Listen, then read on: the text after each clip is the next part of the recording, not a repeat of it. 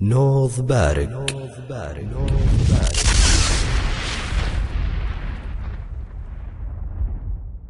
جزالة الشعر وإبداع المفردة.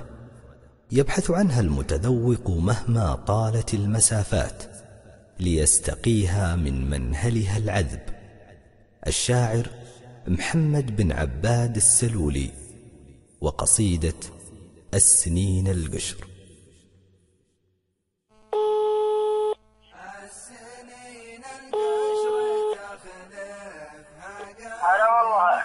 ألو السلام عليكم.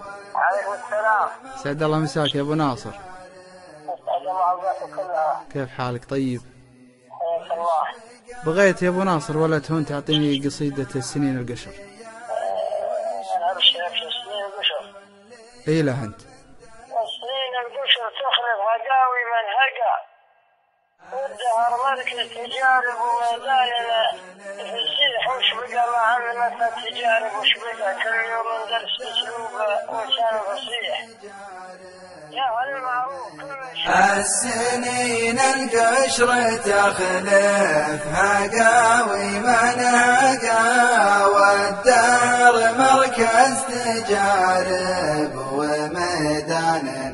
فسيح وش بقى معلمتنا الليالي؟ وش بقى كل يوم درس بأسلوب ولسان فصيح يا هل المعروف كل شقاب اللي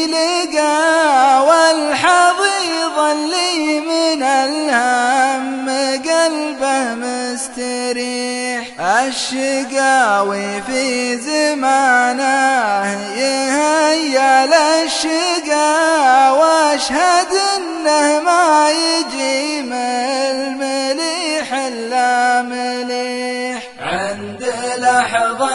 المفارق ولحظة اللقاء تتضح لك صورة الود بالمعنى الصريح.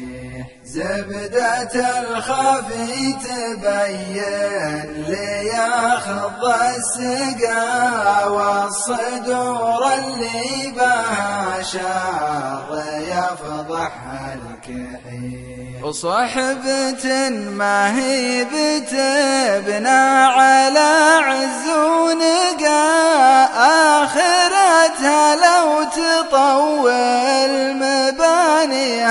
تطيح. لو تشوف أصحابها تول انظر أصدقاء مثل ما قال المثال ما يصح إلا الصحيح كل صحبة تم ميثاقها لها فاتقى الحذر منها ترى وضعها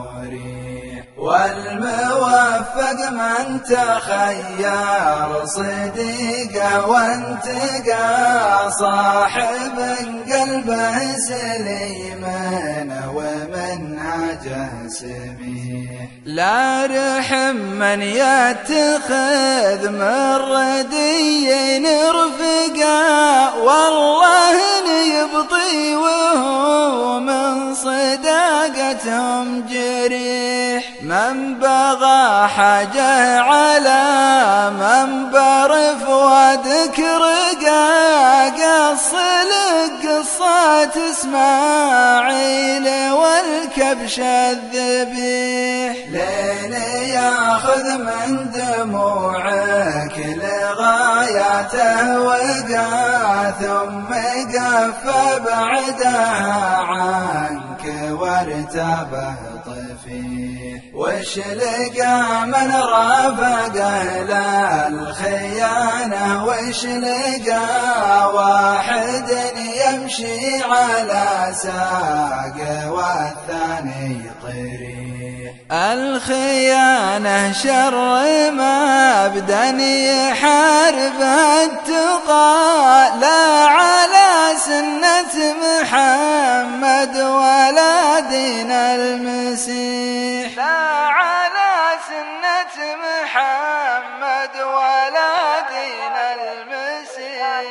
صريح الخيانة شر مبدأ يحارب التقى لا على ملة محمد ولا دين المسيح سلام تسلم ولا تندم الله لا يهينك وصح لسانك يا أبو ناصر.